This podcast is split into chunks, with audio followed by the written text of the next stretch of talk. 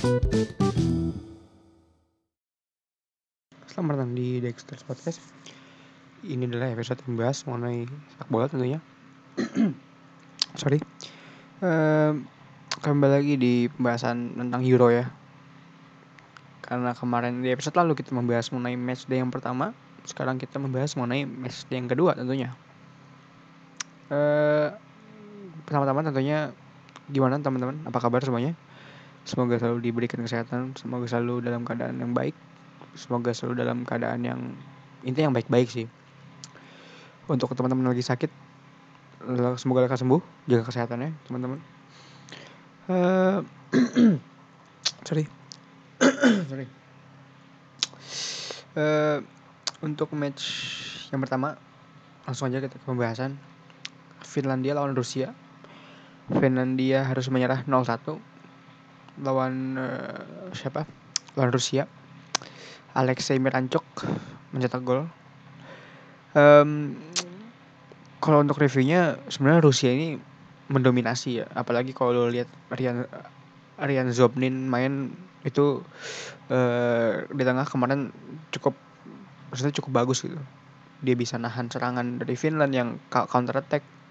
Terus juga uh, apa namanya si Golovin link up nya bagus sama si Juba atau si Mirancuk terus juga ada si siapa namanya Mario Fernandes di kanan. Kan Fernandes diganti karena cedera diganti siapa? Kavaev. I don't know.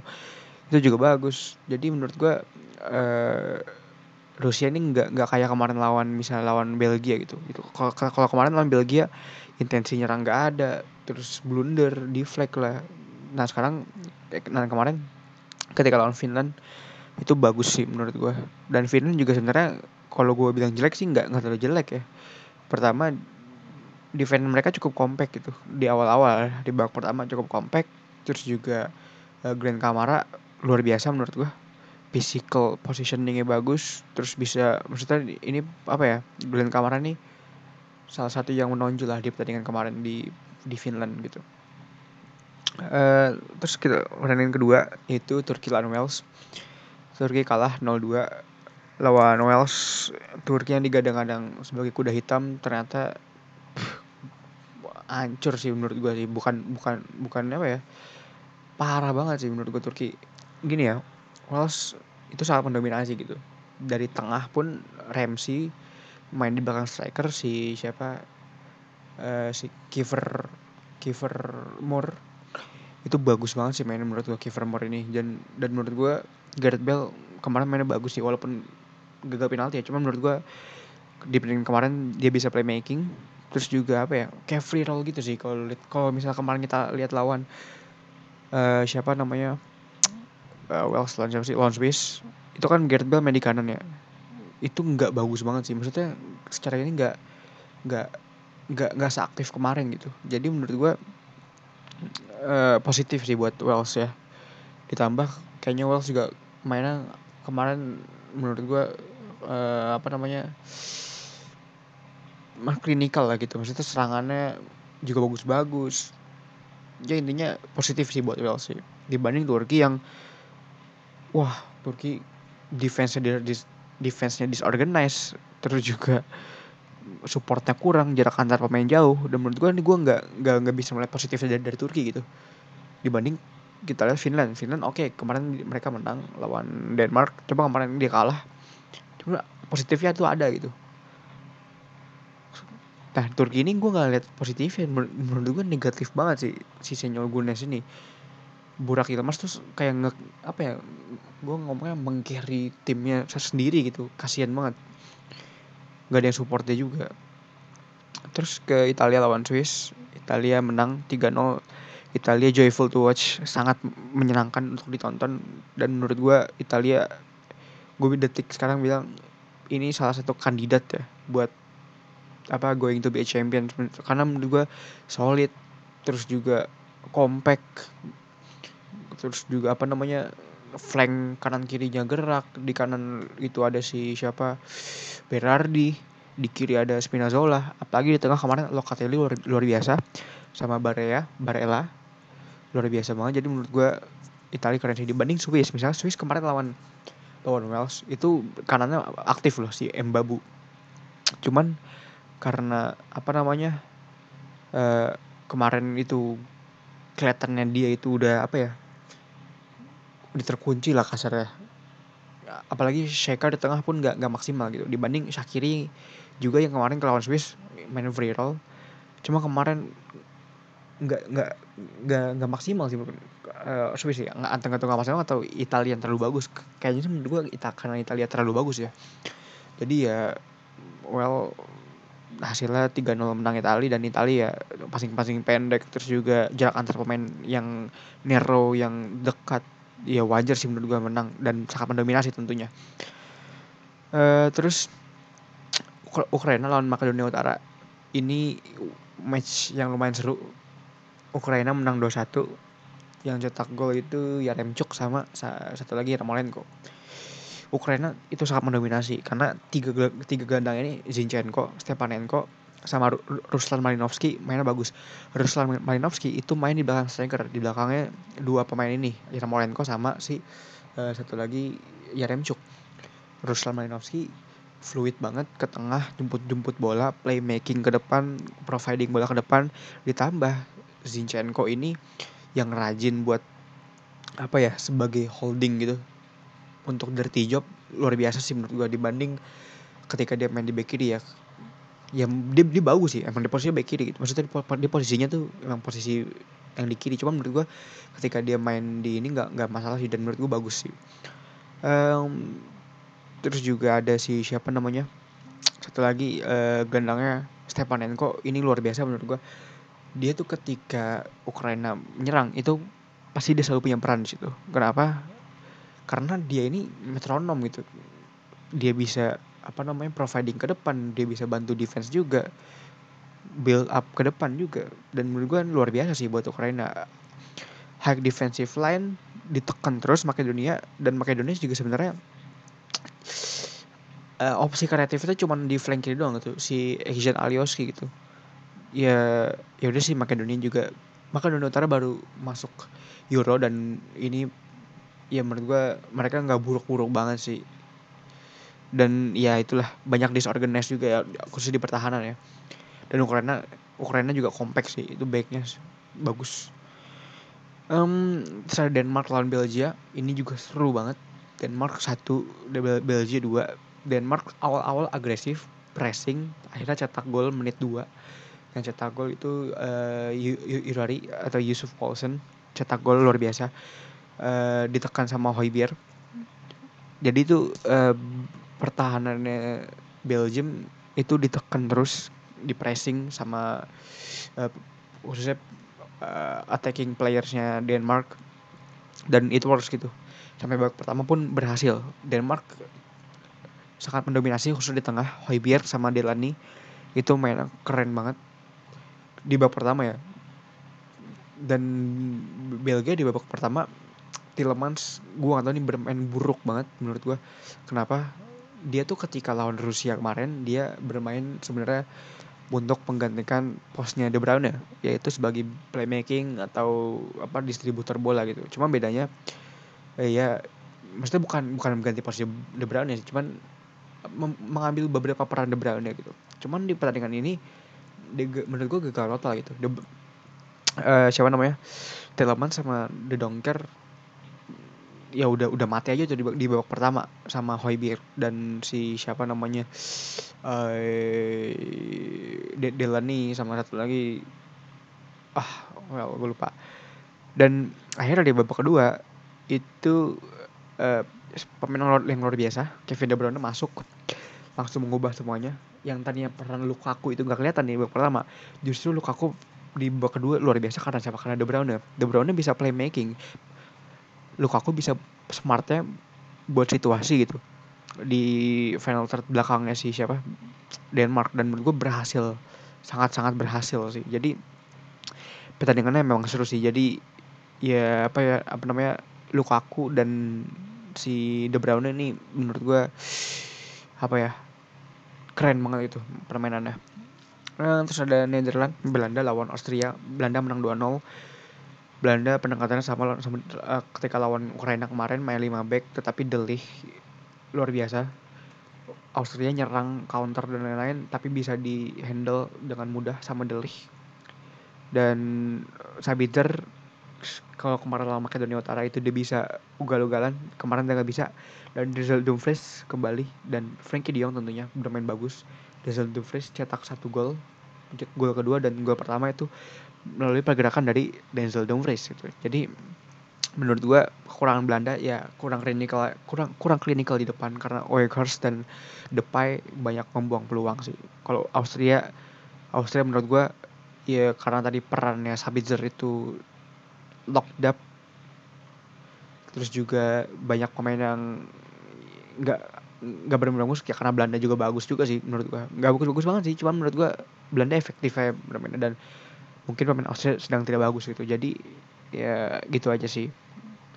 Kalau untuk Belanda sama si Austria. Uh, terus hmm, uh, ya terus uh, apa namanya? Slovakia lawan Swedia. Sorry Swedia lawan Swedia. Swedia lawan Slovakia. Swedia menang 1-0 ini si siapa? Forsberg cetak gol penalti. Ini pertandingan sebenarnya agak tough ya.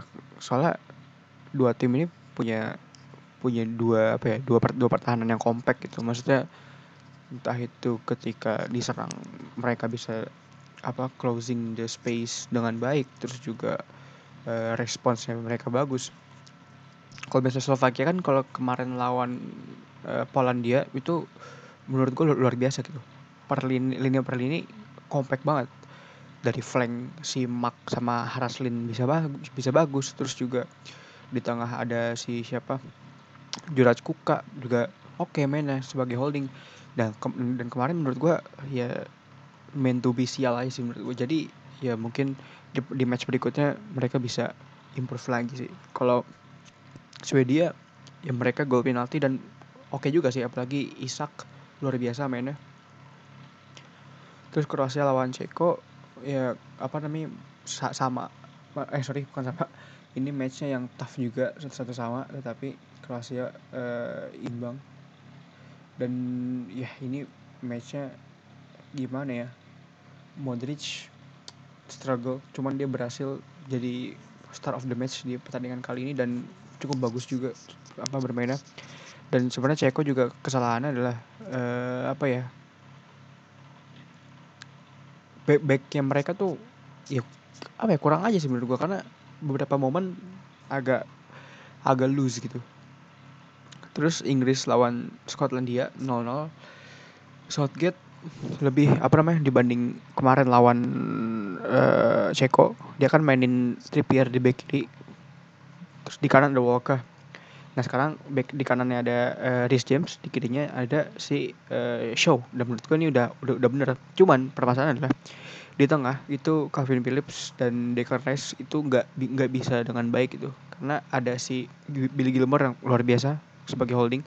Dan ketika di depan Sterling pun nggak nggak bisa apa ya ya nggak punya nilai tambah aja sih menurut gua kemarin ya untuk kemarin. Jadi ya ini pertandingannya 0-0 fair result sih. Jadi ya udah lah mudah-mudahan Inggris bisa improve lagi. Dan Scotland dia sebenarnya ya sama sih kayak match kemarin lawan Ceko ya. Terlalu bergantung sama si uh, siapa namanya Robertson gitu uh, terus ada Hungaria lawan Prancis satu sama. Um, Hungaria dominan banget. Jujur dominan banget. Ya coba lagi. Prancis didesain bukan tim yang dominan menguasai bola. Tetapi apa namanya ya Prancis juga sering bikin peluang sih.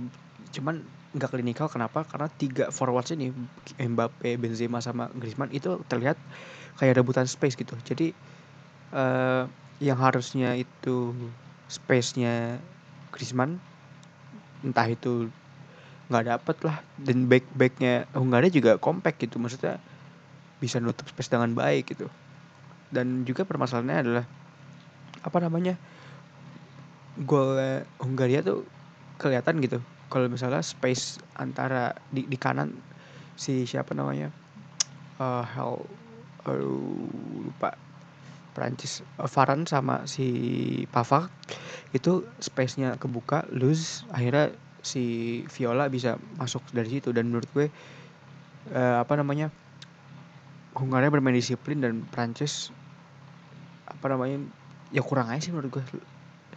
Karena gimana ya Prancis ini kan sebenarnya gaya, gaya mainnya ya counter gitu ya kan? Cuman ketika dia bertemu dengan tim kayak ketika mereka bertemu tim kayak Hungaria ini kan seharusnya apa ya they have supposed to be untuk untuk dominan gitu. Cuman karena pendekatan di Shong itu counter dan menunggu di menunggu di belakang ya agak susah juga sih. Uh, terus ada Portugal lawan Jerman. Ini pertandingan yang sangat seru.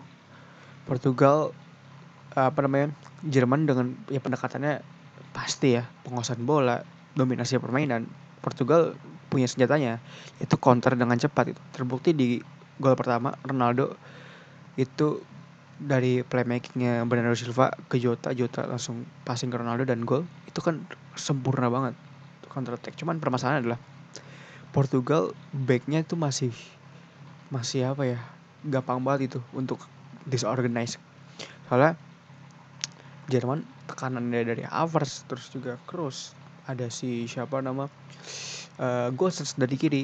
Itu luar biasa banget sih menurut gue bisa apa ya strategi strategi blitzkriegnya ini Jerman udah udah keren sih.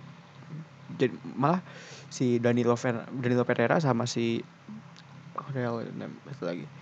Uh, sama si William Carvalho itu apa namanya kewalahan gitu lawan Cruz gitu. karena di kiri ini Gosens udah udah udah, bisa kacang-kacang gitu. Apalagi Semedo ya kualitasnya juga menurut gua nggak banget sih untuk buat main di timnas ya karena Cancelo kan nggak bisa main juga. Um, terus juga ya Jerman luar biasa gue harus kasih kredit sama apa Robin Gosens mainnya keren. Dan Jerman apa namanya dengan penguasaan bola kayak gini ya mereka layak sih untuk memenangkan pertandingan. Ya layak maksudnya dua layak ya. Cuma menurut gue uh, pantas gitu fair result. Uh, terus Spanyol lawan uh, Polandia. Satu sama. Spanyol seperti biasa mendominasi. Cuman permasalahan adalah nggak klinikal kenapa? Morata beberapa be, be, beberapa uh, momen peluang itu nggak nggak bisa manfaatin dengan baik gitu. Polandia juga back backnya juga menurut gua nggak nggak terlalu rapet. Dua blok deep nggak nggak gitu. Cuma permasalahannya ya itu aja kurang klinikal gitu menurut gua kasar gini ya kalau Ronaldo bisa main di Spanyol mungkin 2 sampai tiga gol itu bisa gitu. Cuman permasalahannya lu cuma punya Morata yang yang wah udah udah parah banget sih menurut gue ini pemain lack of confidence atau apa gue nggak nggak tahu. Tapi yang jelas Polandia juga uh, beberapa kali peluang counter attack membahayakan cuman apa Polandia punya high press dengan cuman nggak nggak high defensive line. Justru Spanyol yang mengurung Polandia pakai high defensive line. Cuman permasalahannya uh, Spanyol itu punya counter press yang baik sih. Jadi link up play dari Pedri Alba di, dari kiri di kanan juga ada si uh, Marcos Alonso sama uh, siapa namanya? Oh kan lupa. Marcos Alonso sama uh, Gerard Moreno dari kanan bisa bagus. Dan menurut gue apa namanya perlu ya finishing aja sih kalau Spanyol sih. Rodri juga bermainnya cukup baik itu memotong serangan khususnya center area ke Lewandowski. Jadi ya itulah. Itu itu aja. Pertandingannya sudah selesai. Sekian untuk match day kedua. Jadi kita sampai sampai ketemu lagi ke di match day ketiga. Ini match day-nya bermainnya bersamaan ya, dengan waktu yang apa waktu yang bersamaan. Jadi ya juga tapi uh, an, apa ya an exciting exciting matches apa next up so thank you for the attention terima kasih sudah mendengarkan semoga yang mendengarkan apa namanya selalu diberikan kesehatan, selalu diberikan kebahagiaan dan selalu selalu di dikelilingi oleh apa namanya sesuatu yang baik gitu. Jadi terima kasih.